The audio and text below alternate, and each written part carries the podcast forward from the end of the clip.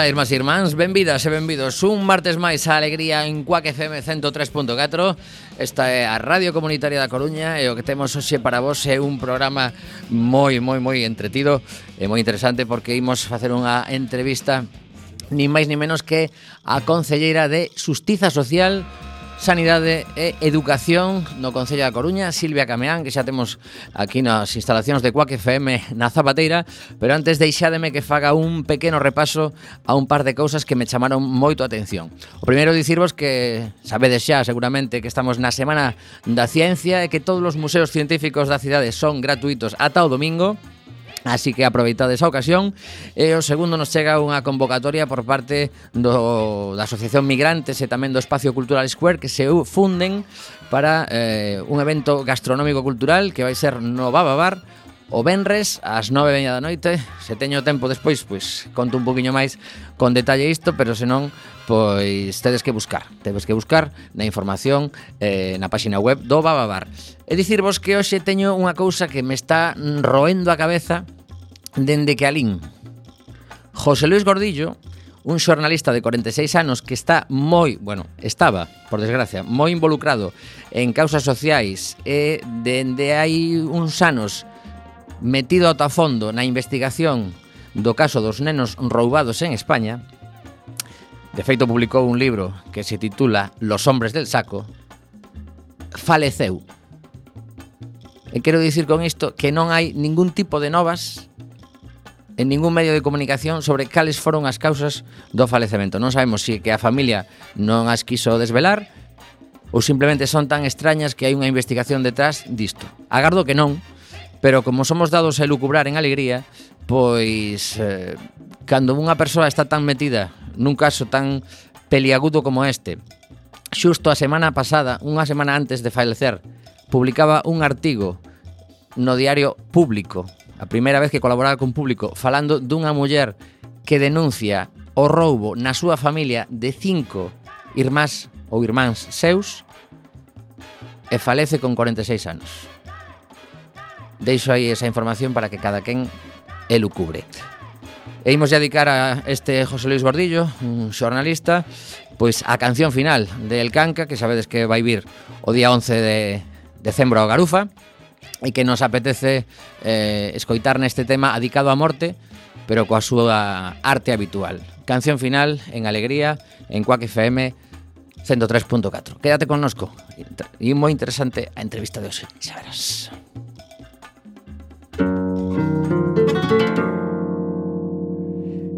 Tras la tenebrosa puerta, la dama de negro mira.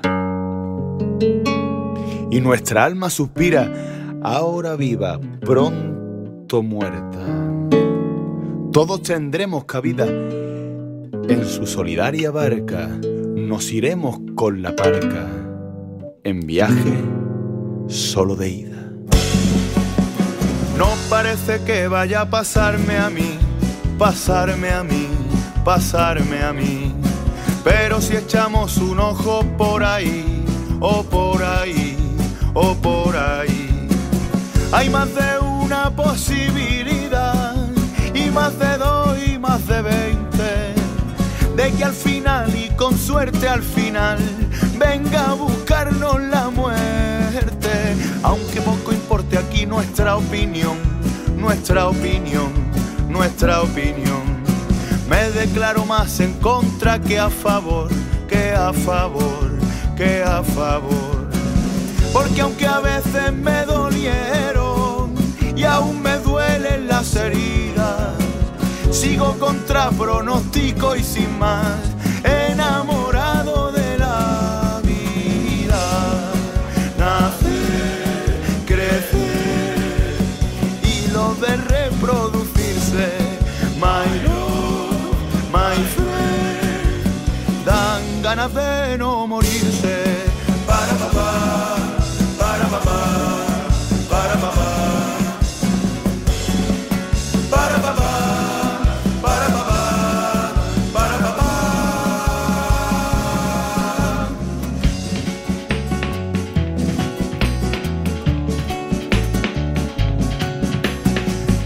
sospecha de que no hay un Dios, no hay un Dios, no hay un Dios. Solo desapareceré y diré adiós, y diré adiós, y diré adiós. Os dejaré lo más difícil, la lágrima del que se queda. Pero yo quedaré también aquí, en forma de música y letra, que cuando se entone la canción final, canción final, canción final, sea porque todo está cantado ya, cantado ya, cantado ya sabiendo que jugaré una vez, que no habrá ninguna de prueba. Yo por mi parte intentaré vivir mi vida lo mejor que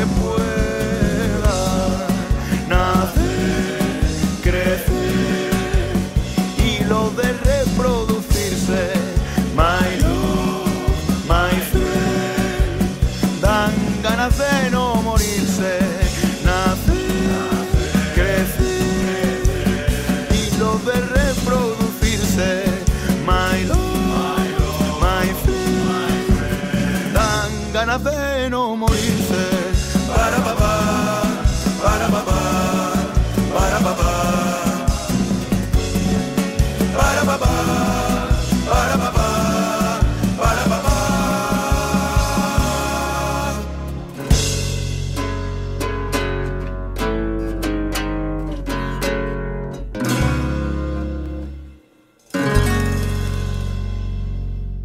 6 e 9 minutos, estás en Cuac FM 103.4, programa Alegría, un martes eh, chuvioso na Coruña e temos unha desas entrevistas que estábamos agardando de, de hai tempo eh, por fin hoxe imos falar con Silvia Camián Hola, que tal? Como estás? Hola, moi boas tardes Bueno, gracias por achegarte a, a Taza Pateira que sempre é complicado vir ata os nosos estudios así que grazas polo esforzo Sabemos que ademais agora mesmo estaba atendendo unha chamada de, de traballo eh, e o frenesí pode ser importante Pero imos, imos empezar eh, facendo unha reflexión compartir unha reflexión cos ointes entre a política imos poñerle un apelido que é pequena, que é cando o goberno municipal vai directamente a falar cos veciños como foi o dillo ti deste pasado sábado, e a política grande, entre comillas, vou a facer así un, un pequeno guiño que non se nota pola radio, do pleno de onte. Como se vive a política con esa diferencia tan grande entre ir a falar cos veciños e despois enfrentarse nese salón de plenos a, as cousas que escoitades, claro? Vívese, dende logo, moito mellor cando estás sentada en frente das túas veciñas e dos teus veciños, non? Por unha simple razón, e porque ao final estás falando xa da realidade coas veciñas, estás falando dos problemas, e estás explicando as túas actuacións, non? E moitas veces cando estamos no salón de pleno dicimos, bueno, estamos falando aquí de cousas importantísimas para a cidade, pero en realidade todo como un linguaxe tan técnico, un, unha xornada tan maratoniana onde rematamos as 12 e media. O sea, esos tempos non son tempos normais, nin son tempos que se axusten á vida das persoas, non? Polo tanto, bueno, para min efectivamente a política en realidade se fai coas veciñas diante e cos veciños diante e dando solucións aos problemas que plantexan, uh -huh. claro. Que vos contaban o sábado? Bueno, de, nos... de, que se, de que se falaba nesa, nese encontro? nos preguntaron un montón de cousas, non? Nos preguntaron por o espazo público, cousiñas que hai que mellorar por esa por esa zona. Nos come... Foi este sábado? Este, este sábado foi en Monelos, uh -huh. tivemos ali o Dillotí. Bueno, a verdade é que había moitísima xente, moi participativa, eu creo que estes encontros son, son moi ricos, non? Porque cada vez notamos máis que as veciñas nos fan seguimento, empezan a dicirnos no anterior Dillotí dixestes que se ia facer esta actuación, queremos uh -huh. saber como está. Incluso, bueno, tamén notamos que ahora de repente as veciñas e os veciños teñen como máis control do que é a política, non? Antes se falaba dun modificativo de crédito, nadie sabía o que era. Ahora hasta nos preguntan, e que, que vai pasar no pleno con modificativo de crédito e os orzamentos? E vai a haber orzamentos prorrogados? Eu creo que ata hai moi pouquiño, non? Non se coñecían estos termos, polo tanto, eu creo que estes encontros son boísimos tanto para nós como para as veciñas e veciños que se empoderan tamén políticamente e y empiezan a saber que hai nun, nun pleno, nun concello e que é o que se pode exixir. Bueno, neste encontro tamén nos comentaban do cole de, da Ramón, de Ramón da Sagra, que hai unhas necesidades, que están iniciando unhas obras, nos pediron que mediemos coa xunta, bueno, nos comentaron casos e actuacións relacionados máis ben co, co barrio e coa zona e con outras actuacións que xa anunciamos noutros tillotís, non? Para facer ese seguimento. No voso caso, na, na vosa concellaría, eh, que como digo, pues, inclúe, pues, neste caso estás a falar de educación, pero tamén a sanidade e a, a xustiza social. Em, como facedes o seguimento desas cousas que saen nos dillo ti ou outra xente que vai chegando a vos con, con solicitudes? Como, como é a relación con esas persoas? De alguna forma, pois, abre un expediente, hai un seguimento que ao final pois, acaba resolvéndose de alguna forma, pero, pero tedes a sensación de que a xente está atendida, que tedes máis ou menos controlado todo o que vai chegando? Sí, nos en cada DIOT temos unha gran pantalla non donde se vai recollendo todas esas demandas. Periódicamente as concellerías respectivas imos cubrindo as actuacións que fixemos, non? Uh -huh. Dicir, se fai ese seguimento tamén e despois se vai respondendo a esas persoas que fixeron eses requerimentos. É certo que mm, non sei se estamos no 100% de atender todos eses requerimentos, pero tratamos de, de atender a, a maior medida do posible, claro. Uh -huh. Unha das eh, razóns principais polas que convocamos convidamos a, a Silvia Vira Alegría é para falar dese, dese proxecto que, que estaba moita xente agardando porque era unha das promesas da, da Marea Atlántica que é a renda social municipal. Eh, mañá mesmo comezas unha xira isto é un, xa un pouco roqueira eh, mañá, eh, se si non me equivoco eh, nos Rosais ás 19.30 o día 10 en Mesoiro. Bueno, Mm, hai que entrar no, no portal da, da páxina, o sea, na páxina de coruna.gal e tedes aí pois, pues, onde vai a estar cada día, logo mellor podemos comentar algunha máis, pero sobre todo o que o que nos interesa hoxe que quede de alguna forma grabada tamén para a xente que mellor non se pode achegar a, a estes sitios e que a base de compartir o noso podcast pois pues, teña información de como vai a funcionar isto e como e como pode afectar a xente que realmente o precisa. Imos comezar, se si te parece, por esta, mm, digamos, polémica entre comillas, que hai co orzamento que estaba previsto, ese, esa, ese modificativo de crédito que estabas a comentar que, que de alguna forma pois a oposición se botou en cara que se prometían uns cartos e van ser menos. Contanos, porque creo que é moi importante que se saiba eh, can, canto se pode gastar realmente neste período que queda ata que remate o ano eh, e por que se recolocan eses cartos, ou propoñedes que se recoloquen. Sí, un cantada de, bueno, de explicalo, non? Porque é certo que se fixo un uso completamente partidario desta, desta cuestión e que se levantou unha polémica dende o meu punto de vista completamente irresponsable, non? Eu escoitei a membros da oposición dicir directamente que a xente non ia poder cobrar a renda social municipal porque estábamos dando de baixa ese crédito e é rotundamente falso. O sea, onte me cansei tamén de explicalo no pleno e de dicir que nos temos unha gran responsabilidade como goberno, pero a oposición non pode cometer a irresponsabilidade de enganar a xente, non? E aquí o que acontece é moi simple, non? É que nos tiñamos orzamentado para este ano oito meses de renda social municipal e todos somos conscientes de cando se aprobou a renda social municipal, non? Se aprobou, bueno, pois meses máis tarde e se acaba de abrir o prazo o día 30, co cal, bueno, nos tiñamos orzamentado máis cuantía, podemos dicir, que da necesaria. É dicir, que había pois créditos que non se iban a executar este ano, e, bueno, non tiña sentido mantelos aquí se había outras necesidades ou se lles podía dar outro uso, non? E aquí sí que quero lembrar eh, por que se aprobou máis tarde a ordenanza que regula a renda social municipal, non? É certo que sempre explicamos que era un procedimento complexo, moi complexo, moita xente nos dicía non o podes facer, isto é ilegal, non se lle pode dar unha renda a xente, o ámbito xurídico, tivemos un debate interno no Concello moi, moi, moi grande, de varios meses polo, polo aspecto xurídico, non? Uh -huh. Porque se nos indicaba que o ámbito era a subvención. Nos este ámbito o rexeitamos por unha simple cuestión, porque unha subvención iba a ser unha auténtica hipocresía, unha subvención tens que xustificalo con documentos, se ti de repente non traes, pois por poñer un exemplo, unha factura da luz, non? Mm, pois se non nos traes esa factura, se entende que a subvención non está xustificada, quedarías fora da subvención e pasarías a estar a un estado deudor. É dicir, xa non poderías seguir tendo esa axuda. Por lo tanto, nos decidimos que se si queríamos que esta medida fose realista e axudase a xente e así o queríamos facer, tiña que ser unha prestación. Para que fose unha prestación necesitábamos que a Xunta de Galicia aprobase un decreto, non? que o fixo máis tarde eh, do previsto. Por lo tanto, a ordenanza reguladora entrou en vigor máis tarde. Insisto, se aprobou eh, o prazo de presentación de solicitudes o día 30 de setembro. Ajá. Por lo está, tanto... Está, estades contentos co decreto da Xunta?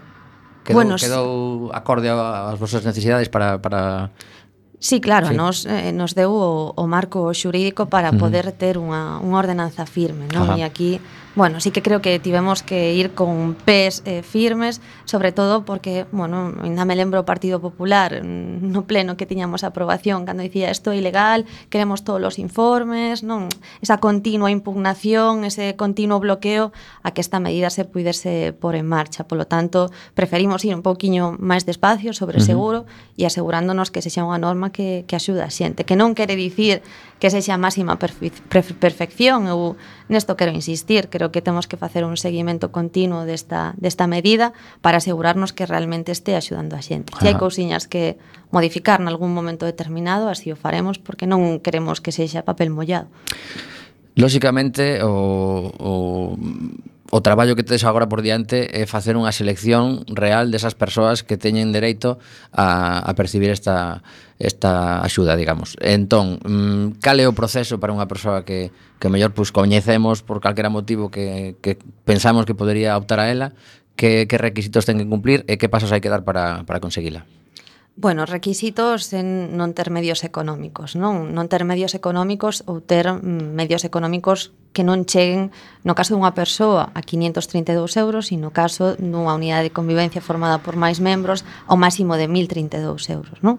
É compatible tamén coas persoas que estén traballando, é dicir, tipo este un traballo precario de 200 euros e ou de 300 e ser beneficiario da renda, non? Uh -huh É certo que, bueno, hai varios puntos nos que te podes informar neste momento, non? Un deles serían os centros cívicos da cidade e as unidades de, de atención social.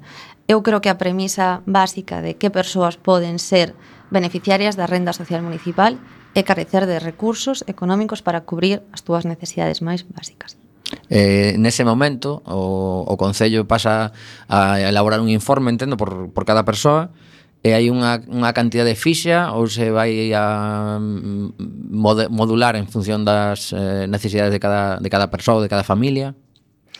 Depende da cantidade de membros que compoñan a unidade de convivencia, non? É dicir, nos contemplamos para unha persoa unha cuantía máxima de 532 euros, que é o 100% de IPREM, e isto se vai incrementando nun 20% por cada convivinte adicional nesa unidade de convivencia ata chegar ao máximo o 200% do IPREM, que son 1.032 euros. Lembro unha frase que saquei aquí a colación en algunha ocasión de Mariano Rajoy que dicía que ser solidario está ben, pero ser solidario a cambio de nada é de tontos. Non sei se coñecías esa frase, pero a mí me deixou bastante impactado. Entón, non sei ata que... pois pues, non no a coñecía, pero a mí tamén me acaba de deixar un pois pouco sí, impactada. Sí, sí, pois pues está, está confirmado que, que a dixo. Entón, mm, non sei da que, de, de alguna forma si, si nesa mm, tramitación que houve deste, deste tema eh, vos dixeron que podería chegar o momento no que a picardía da xente pois faga que se estén levando cartos persoas que non lle corresponde, etc. Eh, supoño que si escoitaches algo así, non? Bueno, escoitei en demasiadas ocasións, non? En demasiadas ocasións chegaron a dicir a xente non vai querer traballar, a xente se ten que esforzar, non? Esa meritocracia que, bueno, moitas ocasións salude a xente a ela como se si todos partísemos das mesmas condicións e existise a igualdade, non? Eu penso que hasta que estemos todas e todos en condicións de igualdade, esa meritocracia non pode ser e esa lei de esforzo non pode ser, porque non non é un sistema xusto no que estamos vivindo, non? Eu aí sempre respondía con unha pregunta, unha pregunta clara e directa, e dicirlle a esas persoas a ti che gustaría ser eh, beneficiaria da renda social municipal. Non, pois con eso xa está todo dito, é dicir, nós o que pretendemos é pois rescatar as persoas que no momento actual non se poden pagar as súas necesidades básicas para a vida, non? Uh -huh. E facelo ademais con un proceso de acompañamento. Por lo tanto, creo que eses argumentos temos que rebatilos, forma parte tamén, bueno, pois dunha ideoloxía, non, que hai detrás que que, bueno, día tras día, pois este o que estas mensaxes son as que lanzan, non? De as axudas eh, sociais non son dereitos, eh, e caridade, esta xente non pode estar recibindo axudas porque ten que traballar e ten que esforzar. Bueno, eso eu creo que cae con, con argumentos serios e contundentes, non que son bueno, o momento no que estamos vivindo, o sistema injusto que hai e as desigualdades que promueve. Uh -huh. Non sei se tedes unha especie de mm, registro ou información de canta xente pode estar vivindo na rúa. Eses días, eh, pues, eu, cerca da miña casa hai uns soportais, eh, eu eh, creo que ali estaba dormindo unha persoa que agora chegou o frío, creo que xa non está ali. Eh, non sei se, hai, por exemplo, hai, hai algún tipo de actuación concreta que debería facer un, unha persoa como a min, que ve que alguén está dormindo debaixo duns cartóns, eh, debería chamar a, ao Concello para informar ou ou esa persoa habería que falar primeiro con esa persoa por se si necesita axuda? Cal sería o procedimento? Bueno, dende logo habería que, que chamar ao Concello, non? Os CEMUS, que quen se encarga neste momento de facer ese traballo coas persoas sen teito. Uh -huh. É certo que nós temos un rexistro coas persoas que, que neste momento viven bueno, pois sen ter unha vivenda, non que viven directamente na rúa, pero bueno, esa, esa cifra vai, vai cambiando. Hai xente nova que chega, hai xente que, que marcha a outros lugares. Aquí tamén temos previsto iniciativas, non iniciativas que creemos que hai que pôr en marcha porque os recursos son claramente insuficientes, non? Entón, bueno, tamén dentro de uns días informaremos as veciñas deste novo recurso para poder chegar tamén a atender a esas persoas en Teito que entendemos que neste momento hai que pôr bastantes máis recursos sociais en marcha. Mm. Por todo agora que chega o frío notase moito a, a diferencia, porque hai uns días pois realmente eh, saías á rúa polas noites e, ata que case podemos dicir que se estaba a gusto. Pero claro, chega un momento que eso cambia de forma radical como, como acabamos de ver estes, estes últimos días xa. É eh, eh, bastante acuciante que, que atopemos unha, unha solución para, para esas sí, persoas. nos meses de inverno sí que é certo que se reforza o programa que hai de atención a persoas en teito. Eh?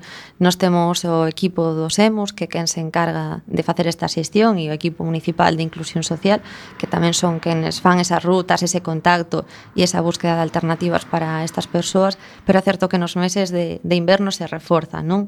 Temos tamén conveniado con outras entidades sociais da cidade ese reforzo e, e esas rutas e polo tanto, bueno, estou plenamente de acordo que nos meses de inverno este problema se intensifica e que hai que levar a cabo actuacións que son, bueno, as que acabo de describir. Neste tempo que leva xa como, como concelleira, eh, que cousas te chamaron máis a atención da cidade que non coñecías e que estás eh, que aprendizaxe estás sacando na, na experiencia do día a día pois, atendendo todo este tipo de, de problemáticas?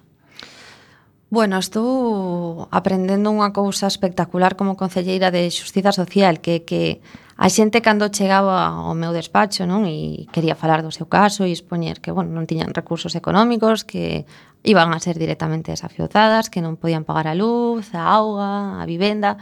viñan sempre coa cabeza baixa, non? Mm, lles daba incluso vergoña, non se sentían coa legitimidade de exixirme. E eu sempre lles dicía, non, si isto é eh, o contrario. Se ergue a cabeza, séntate no meu lado con moita dignidade e exíxeme porque eu estou aquí para servirte precisamente a ti. Non? Uh -huh. Eu son representante pública e estou exercendo unha labor de servicio público. Eso me chamou moitísimo atención e me levei a grata sorpresa de que despois había xente que efectivamente non se aviña despois ao despacho e dicía, pois, isto se sigue facendo mal, si, sí, te de lo que cambiar e, e me parece me parece ben, non? Por lo tanto, bueno, me quedo con, con esa parte de que aí temos tamén moita labor que facer de, de empoderamento e de que a xente saiba que existen uns dereitos sociais que tes, ademais, toda a legitimidade do mundo para exixir que se che den as túas necesidades básicas, non? Me quedaría, bueno, con esta anécdota, uh -huh. que non unha anécdota simplemente illada, sino que foron bastantes casos. E agora que estás vivindo a política pues, con, con esa capacidade de ter un, un orzamento e, e posibilidade de, de mobilizar recursos, si botas a vista atrás de cando comezabas a, a notar que había algo en ti que te levaba a, a Mm, supoño que, que cando te metes en política a intentar axudar os demais, eh, en que momento notaches esas cousas? Cando, cando vías a tele, cando escuitabas a túa familia, como, como foi o proceso de chegar a un partido? Bueno, eu a base de, de loita, non? Tamén iniciei a miña loita persoal, sempre, bueno, tiven esa inquietude contra as injustizas, non? Non me gustaba o sistema actual, non me gustaban as desigualdades, Eu estiven, eh, bueno, moi metida en cuestións de, de dependencia, non, non me gustaban os recortes que se estaban levando a cabo, bueno, iniciei como unha batalla eu sola e finalmente me din conta que, que te tes que organizar, non? Que temos que ser moitas e moitos os que camiñemos xuntos, pelexando e tomei a firme determinación de organizarme e de repente vin que se podían chegar a conseguir máis cousas, non? Que cando un, cando un camiña solo ou sola, é moito máis complicado chegar a conseguilas. Uh -huh. E onde, onde foi a túa primeira experiencia de, de colectiva? De imos facer isto e o conseguimos? Bueno, a primeira experiencia colectiva foi neste sentido, non? En torno á dependencia, me xuntei con xente do Partido Político de Esquerda Unida, me xuntei con xente que tamén coñecía que estaban tendo esa problemática de dependencia, con traballadoras e aí e foi cando iniciamos esta esta pelexa, non? Directamente solicitábamos reunións co, coa empresa que non nos quería recibir, non? E, bueno, pois aí foi cando a través de presión se foron conseguindo cousas, non demasiadas, pero foi onde cheguei a ver que tiñamos máis forzas e o facíamos máis xente, claro. Uh -huh. Non sei se mm, tes a sensación de que hai demasiadas persoas que poderían aportar un graniño de area e non fan nada ou um, simplemente están para criticar ou realmente crees que hai un montón de xente que está aportando fora da política a, to, a que todo isto vaya un poquinho mellor? Eu creo que hai moita xente que, que aporta, non? E me nego a dicir hai xente que non quere poñer o seu gran dareo. Creo que directamente a esa xente temola que convencer, non? Eu creo que, bueno, sempre tratamos con unha superioridade moral e tratamos ás veces de dar leccións á xente de, por favor, como é posible que un obreiro siga votando o Partido Popular? Bueno, pois eu creo que si te sitúas en riba del dende unha posición máis alta tratando de dar leccións, dificilmente vas a convencer, non? Agora, se si te sentas ao seu lado e lle dis a ah, que é injusto que eh, o empresario che baixe o sueldo a ti e a todos os, os teus compañeiros e as consecuencias que ten e que te quedes sin casa, disfrutas con isto? Seguro que non. Entón, creo que aí temos moita labor de, de convencer, pero convencer de igual a igual, nunca situándonos nun, nun plano superior, non? E por suposto creo que hai moitísima xente que está facendo moitas cousas, claro, tamén. En ese plano de igualdade que vos toca o mellor, pois pues, agora voltamos a falar da, da política mm, do, do que hai detrás das, eh, das portas do Concello, por unha banda estades aos, aos, eh, os que estades gobernando, por outro lado está a oposición, que é un termo que a mí me, me chama moito a atención. Cando te paras a, a pensar, hai dúas cousas que me chaman a atención. Por que os que pertencemos a unha asociación pertencemos a ela e os que están nun partido político militan. e por outro lado, o tema de oposición. Si fosen a colaboración, pues tería un pouco máis de lógica. E se si empezamos, imagínate que todos os xornais e todos os medios de comunicación empeza a falar da colaboración dos outros, en vez de oposición, colaboración. E o mellor fai un chip así de repente, e nos volvemos todos happy empezamos a funcionar esta Mariana xa connosco podes, podes ampliar eh, podes, hai, hai, máis, hai máis abano eh, podes ter eh, amizade colaboración bueno, eh, me xa non pido tanto o sea, oposición ou obstrucción tamén vale, eh. vale, vale. hai un pouco de todo sí, eso, un, un, un escalón máis sería obstrucción vale. bueno. creo que nos falta bastante por cambiar a política para chegar aí sí, sí, eh, sí. o, o gallá o gallá no, pero mellor podedes facelo entre, o, entre entrenamento dos, cando faledes do, do Partido Popular, do Partido Socialista, do BNG, pues, bueno, a, a nosa eh, en vez de en vez de oposición, a nosa colaboración, bueno, hai que buscar un termo mellor que, que non leve a confusión, pero o que quería dicir con todo isto é que supoño que un das, unha das partes que vos toca facer tamén é reunirvos en comisións que moitas veces, incluso creo que teño escoitado que en algún momento vos apetecería que pudese estar tamén a ciudadanía nas comisións. Pon, pon, cara, pon cara de que sí, por favor, conta.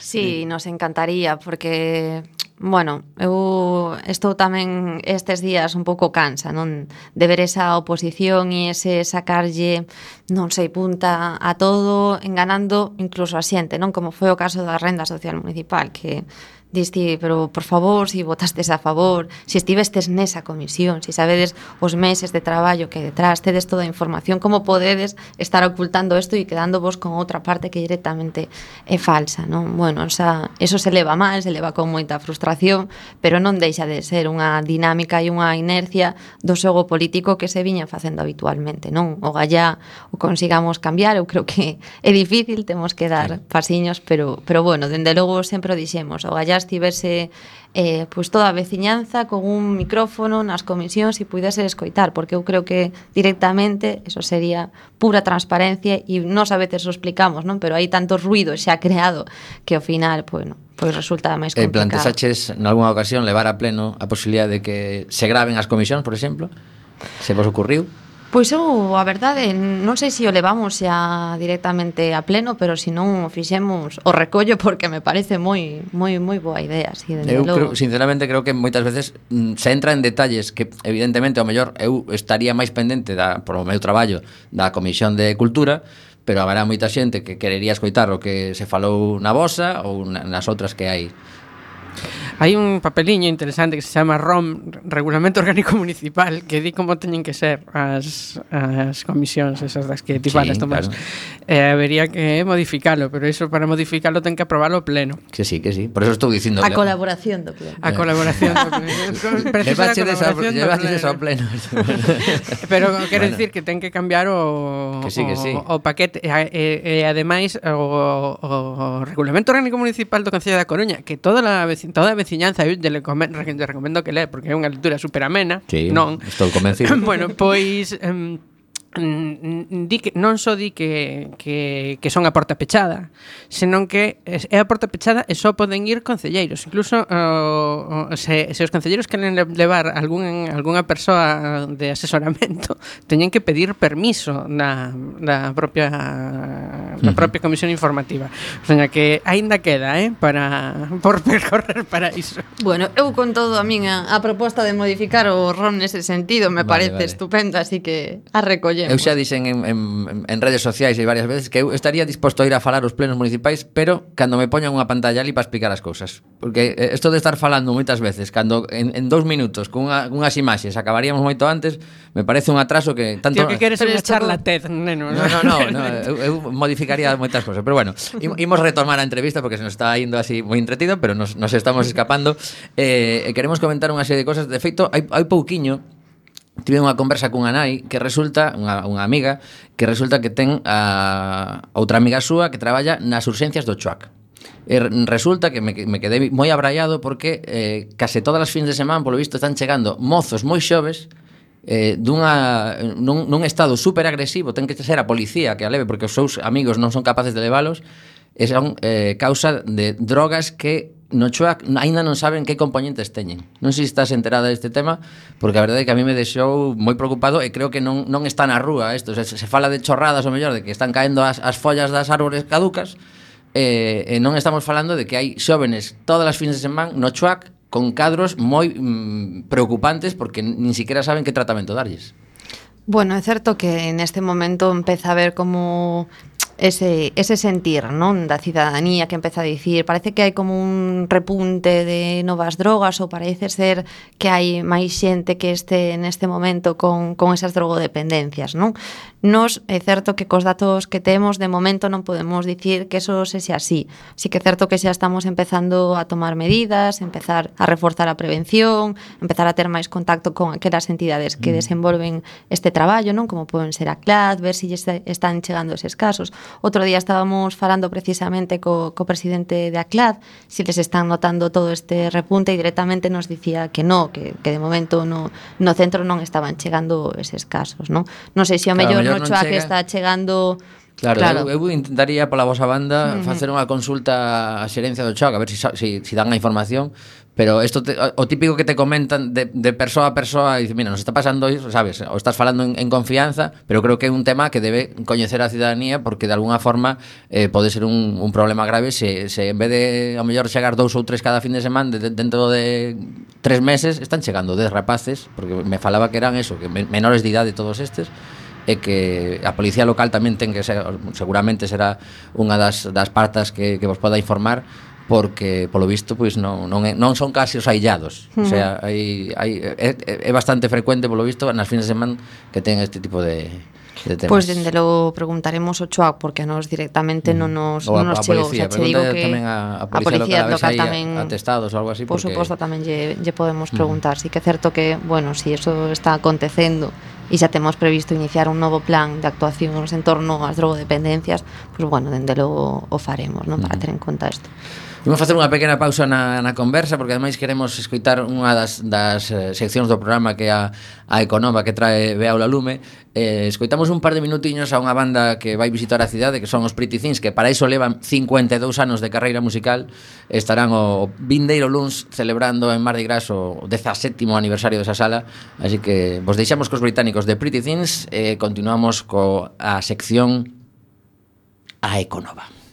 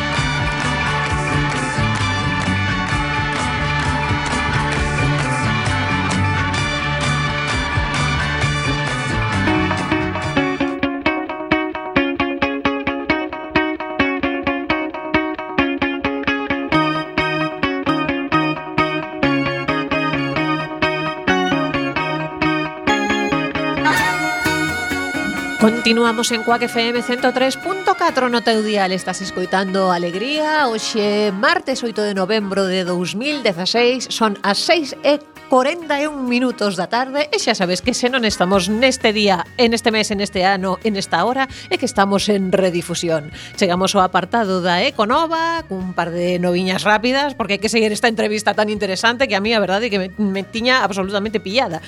Eh, empezamos co tema de eliminar o chumbo. É eh, unha noticia de SEO Verlife, xa sabedes esta eh, ONG que apoia a natureza especialmente os paxaros. E contannos que o Congreso da Unión para a Conservación da Natureza, que é a maior cita internacional dedicada á conservación, con participación de 1.300 gobernos e membros da sociedade civil, aprobou unha moción presentada por SEO Verlife para alcanzar a conseguir a eliminación gradual da munición de chumbo na caza. A moción supón un importante paso na súa eliminación e a súa substitución por alternativas non tóxicas en moitos casos xa existentes no mercado. O acordo anima os membros eh, deste Congreso do que os falaba a traballar con todos os grupos e colectivos implicados no uso de chumbo co obxectivo de sustituílo por alternativas apropiadas, como xa comentábamos.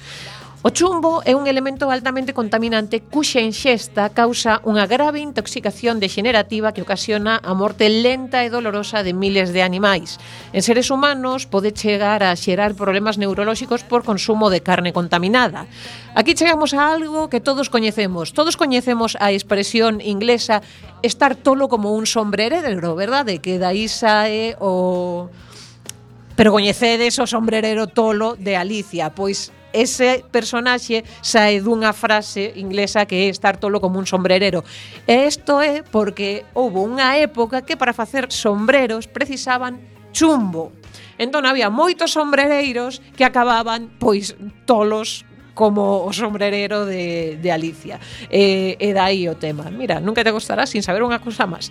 Bueno, ademais de que, de que a contaminación de, de chumbo serializada dende, sí. dende a era industrial é, é tremenda e que se descubriu por casualidade sí, sí, sí, intentando, intentando datar a idade da Terra. Uh -huh eh, que estaba todo contaminado, non había xeito de conseguilo porque uh -huh. todo, sempre había contaminación por chumbo, decían, de onde de onde sae todo este chumbo? Dos combustibles. Sí, sí, sí, sí. claro, sí. Eh, houve un tipo que eh, loitou contra vento e marea para para conseguir sacar as súas investigacións ao que respecto. Que ben traído, igual a verdade, PP e tal. a verdade que non lembro seu nome é unha pena porque ese tipo debería tener ter rúas e monumentos en todas partes. De feito se pensa que eh, eh, a, mm, o, o tema este do chumbo foi eh, a, o primeiro no que se empezou a contratar a investigadores para que apoiaran as tesas, as teses que sabían que non eran certas de compañías grandes que estaban interesadas en continuar con, pois, pues, igual que foi despois co tabaco, por exemplo, ou despois co cambio climático, que había moitas organizacións que realmente o que dicían era "No, no, non existe, pero sabían que había datos, pero que non lles interesaba. Pois o primeiro caso foi co chumbo, e o que tivo que pasar este home. Se queredes saber máis do tema a, a actual... Eh, o, Que? Vas compartir isto en redes sociais? Eu comparto o que Veña, comparte sí. ao, Era, ao, eu son de moi de compartir. Un heroe, un heroe desconocido. Claire Cameron Patterson, Veña. efectivamente. Se queredes saber máis da súa historia, bueno, aparte de en, en internet e tal, hai un capítulo moi interesante de Cosmos, do novo Cosmos, da, desta segunda parte que votan agora mesmo, é eh, a temporada 1 creo que o capítulo 7 e contan toda a historia dun xeito moi moi animado eh, que o entendes moi ben eh, e bueno, tamén te cabreas moito, a verdade. pero pero sí, sí que aprendes toda a historia deste home moi ben. Pois rematando esta nova que nos din que de feito eh, en España o uso do chumbo nas municións foi prohibido. Ah, no, perdón, En España o uso foi prohibido en tuberías de auga potable e, como munición, non está permitido en humedais de áreas protexidas, aunque é frecuente o seu uso ilegal. Así que, bueno, imos dando pasiños para eliminar todos estes contaminantes horribles. E xa para rematar moi rapidamente, Greenpeace sacou unha eh, aplicación de internet que se chama pescado de temporada.org por se estades interesados, pois ten un listado de peixe de tempada por mes, eh, algunhas receitas de restaurantes eh, de tipo Abastos 2.0, Celler de Can Roca, Sergi Arola.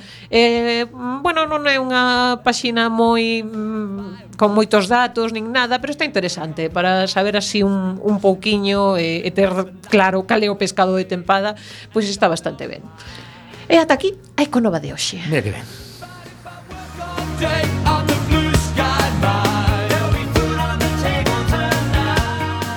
E, por suposto, que imos aproveitar estes 11 minutos de programa que nos quedan para seguir falando con Silvia Cameán, que eh, unha vez que se fai o esforzo de chegar a Zapateira, hai que exprimir ao máximo. Eh, sí, sí, a, a festa é importante. Bueno, Silvia, mmm, proxectos da Concellaría para o vindeiro ano. Ben, para o vindeiro ano temos eh, como proxecto rematar a, a implementación da renda social municipal, non? Comezar con ese novo recurso para persoas en teito, que é o local de baixa exigencia para dar, bueno, esa cabida ás persoas que neste momento non teñen o albergue que deberían ter, non? Tamén temos eh, previsto por en marcha un proxecto piloto para persoas maiores que son desafiuzadas, nos atopamos con que aquí, bueno, había un problema na cidade, non? E era que a xente maior, unha vez que era desafiuzada, solo tiña eh, directamente unha opción que era irse a unha residencia, co que eso implicaba, non? Nos aí temos en marcha por este proxecto piloto en marcha con traballadoras que estén nestes pisos eh, de emerxencia coas persoas maiores e que lle poidan dar eses cuidados, non? Son pisos municipais. Serían con pisos municipais, sí. E bueno, despois temos eh, previsto tamén en educación pois eh, meternos este ano si sí, en profundidade coas escolas infantís, que as tarifas destas escolas infantís sexan eh, bueno, máis adecuadas á xustiza social. Non? Neste momento se faz a comparativa das tarifas que hai nas escolas da Xunta de Galicia e as tarifas que hai nas escolas infantís municipais existe un desfase importante non? e as rendas baixas pois a veces se quedan directamente fora e nos entendemos que eso bueno, pois non pode continuar. Cantas non? Tanto... escolas xestionades vos directamente o Concello? Son sete escolas infantís municipais, se non me equivoco, son sete. Uh -huh. eh, Dentro dese ámbito de, de competencias, houbo algún que te sorprendese que, que vos eh, tocase asumir? Cando foi ese, ese reparto, supoño que chega un momento, hai que eh, eu sempre levo dicindo desde o primeiro momento que a xente non non é consciente de, ou polo menos eu creo que moita xente non é consciente da diferencia que tiña este goberno habitualmente de traballar con 14 cancellarías a pasar a traballar 10 persoas con asumindo as competencias de 14, non? Entón, de alguna forma, a sobrecarga tivo que ser ao principio moi difícil de levar, non? Bueno, claro, nos esa comparativa de como sería con 14 concelleiras e eh, concelleiros non, non a podemos facer porque directamente nunca estivemos nun goberno con 14, non? Sí que é certo que, bueno, nos cando entramos, bueno, pois pues, para empezar porque nunca ningún de nós estivera metido 100% en política e en xestión, non? E non era o noso mundo, de feito sempre, bueno, repetíamos entre nós que incomodidade, isto son ritmos que non están feitos para as persoas normais, son uns contextos nos que habitualmente te sintes incómodo porque non son os teus espazos, non? Si que é certo que eso inicialmente estivo, non, Ainda sigue mm. sigue estando, pero bueno, ahora xa con esa parte da xestión máis na cabeza, sabendo, bueno, como funcionan os procedementos administrativos, sabendo que a veces as cousiñas non non son tan inmediatas, non? Si que é certo que nada máis chegar dicíamos, vamos a cambiar isto, vamos a cambiar isto, e isto xa para dentro dunha semana e veíamos non? que hai un procedimento de contratación ten que pasar por intervención ten que pasar por diversos informes e eso leva o seu tempo non? entón, bueno Alguna crítica que lle doese personalmente de todo o que leva escoitado eh, como concelleira de alguna algún dillo ti que que lle algunha persoa que porque eu estive no, no que hubo en Palavea, por exemplo, que foi a, a miña primeira experiencia e última, e chamoume a atención, creo que xa o teño comentado tamén aquí en directo, chamoume a atención que a xente que tiña ao meu lado, que non me coñecía de nada, mentres non lle tocaba falar, E como había un tipo raro ali que non se sabía onde saíra porque eles eran todos do barrio, pois pues me contaban os seus problemas. Porque eu teño aí un piso que non que non dou sacado a xente que se me meteu aí.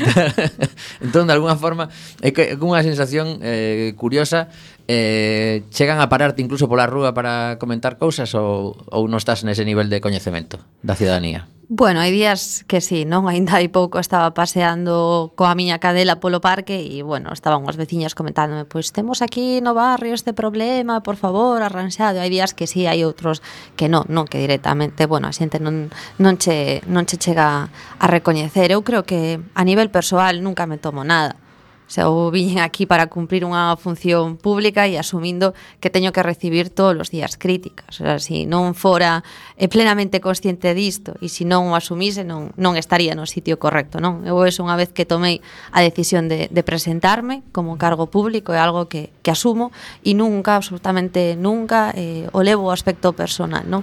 Sí que é certo que nese dillo ti que comentas de Palavea me emocionei, pero non foi algo por levalo o, o personal, non? Sino que, bueno, é unha cuestión que a min me parece relevante, estaba comentando unha señora un, un caso extremadamente grave, non? E, bueno, sí que é certo que por eso tamén recibín críticas, non me pareceron mal esas críticas, sino que, bueno, non as entendía, non? E, e así o argumentei tamén e dixen, bueno, aínda que sexamos, sexamos cargos públicos e estemos desenvolvendo un, unha xestión pública, somos tamén persoas, é dicir, da mesma maneira que en algún momento determinado me chego a enfadar, chego a ser máis contundente, pois noutros me chego a emocionar, non? A mí me parece simplemente pois un, un símbolo de que somos personas completamente normais e correntes e que non nos importa chorar se si nos emocionamos en momentos determinados. E falando de, de esa, esa persoa que está eh, fora do cargo, eh, como, como consigue relaxarte? Como consigues desconectar do, do traballo?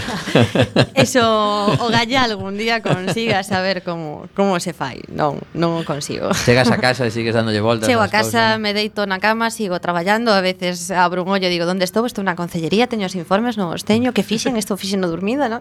Bueno, en fin, eso aínda non non conseguimos, non? É moito, son uns ritmos, como decía, moi acelerados, non son ritmos adecuados ás persoas e eu creo que eso tamén no seu momento temos que, que cambiálo, porque cando dixemos que viñamos a política para cambiar as cousas, tamén viñamos para cambiar estos ritmos e para que a xente que se meta en política poida ter tamén unha, unha vida adecuada aos ritmos mm. normais, non? Que non Moitas veces os, os medios de comunicación chamamos a, aos políticos para falar dos temas, pero pero creo que é un bom momento, que nos quedan tres minutos de programa, eh, recoñecer o traballo de tanta xente que está detrás do, do día a día das concellarías, esas, eses que chamamos funcionarios, que moitas veces criticamos por moitas cousas, e creo que é un bom momento para que aproveites para, de alguna forma, pois contarnos ese traballo que, que fan e, e como, como é fundamental para, para o día a día do Concello. Sí, bueno, e eu completamente de acordo con estas últimas palabras, non? Me parece que non se recoñece para nada a súa labor, hai moitísima xente que está moi comprometida, non? Non é certo ese cliché que hai sobre os funcionarios de entran, saen e todo lles dá igual, o sea, en servicios sociais vin a xente que non lle importaba quedarse hasta as 8 das no da noite se tiñamos que resolver unha ausencia social, que non lle importaba vir no seu fin de semana para atender unha ausencia social, e dicir, hai xente moi comprometida comprometida coa renda social municipal foron horas e horas, as traballadoras sociais se involucraron, moitísimos funcionarios de todo o Concello, xa non só de, de servicios sociais, sino de tesourería, xente tamén da asesoría xurídica, de intervención, de secretaría xeral, o, sea, o debate xurídico que houbo detrás e as horas inxentes que hai da renda social municipal, dende logo non son mérito meu, son mérito de moitísima xente, non? E moitas das medidas que levamos a cabo tamén, polo tanto... Pues debería de sacar unha foto con toda esa xente, debería quedar unha foto en algún sitio, porque moitas veces entramos nos palacios municipais e vemos esas, esos retratos datos que hai do alcalde de non sei cando tal, pois de alguna forma que quede constancia de a primeira renda social que houve no, no Concello da Coruña, pois esas persoas que estaban pois eh, co seu documento mm, máis eh, oscuro, no sentido oscuro de que de que ninguén estaba pendente máis que esa persoa de que saíse adiante eh, a redacción dun, dun parágrafo que, que sexa clave ao final para que unha persoa poda cobrar que se si ese parágrafo non estivese así non podería xa, eu creo que este tipo de cousas nos que tamén estamos aquí loitando, pois agora mesmo nos acabamos de enterar dunha nova bastante mala para, para Coac FM, xa o contaremos o vindeira semán, eh, de alguna forma, pois eh, temos que reforzarnos momentos positivos porque os, os malos acaban vindo sempre. Eu creo que si sí, de verdade que é inmensa a labor que fan, eh? con isto da renda mm, foron, como dicía anteriormente, horas e horas inxentes. E eu sempre o dixe, mesmo cando foi a aprobación definitiva da renda, e sen isto mm, non vai a ser unha medalla que me colgue eu como Silvia Camián como concelleira, sino que en absolutamente todos os sitios os que vaya, que se saiba que aquí houve moitísima xente detrás, adicando moitísimas horas e moitísimas noites sin dormir.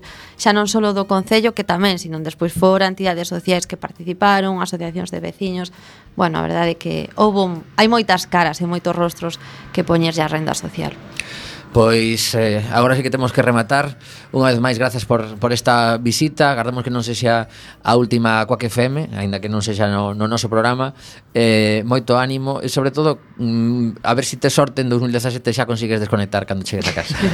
Oga ya, moitísimas grazas a vos pola invitación, placer. Pois eh, voltaremos o vindeiro martes. Chega o momento de deixarvos cos compañeiros de Recendo Que ademais fan unha axenda cultural maravillosa Que eu sempre vou escoitando cando baixo cara a, a mi miña casiña nese momento que intento tamén desconectar de alguna forma. Coac FM continúa contigo. Voltamos o vindeiro martes. Veo la lume Mariano Fernández dos mandos técnicos. Mandamos un bico a Isa Que hoxe non puido estar aquí. E para os que chegache des tarde Escuitadenos no podcast. Chao. Power to the beat.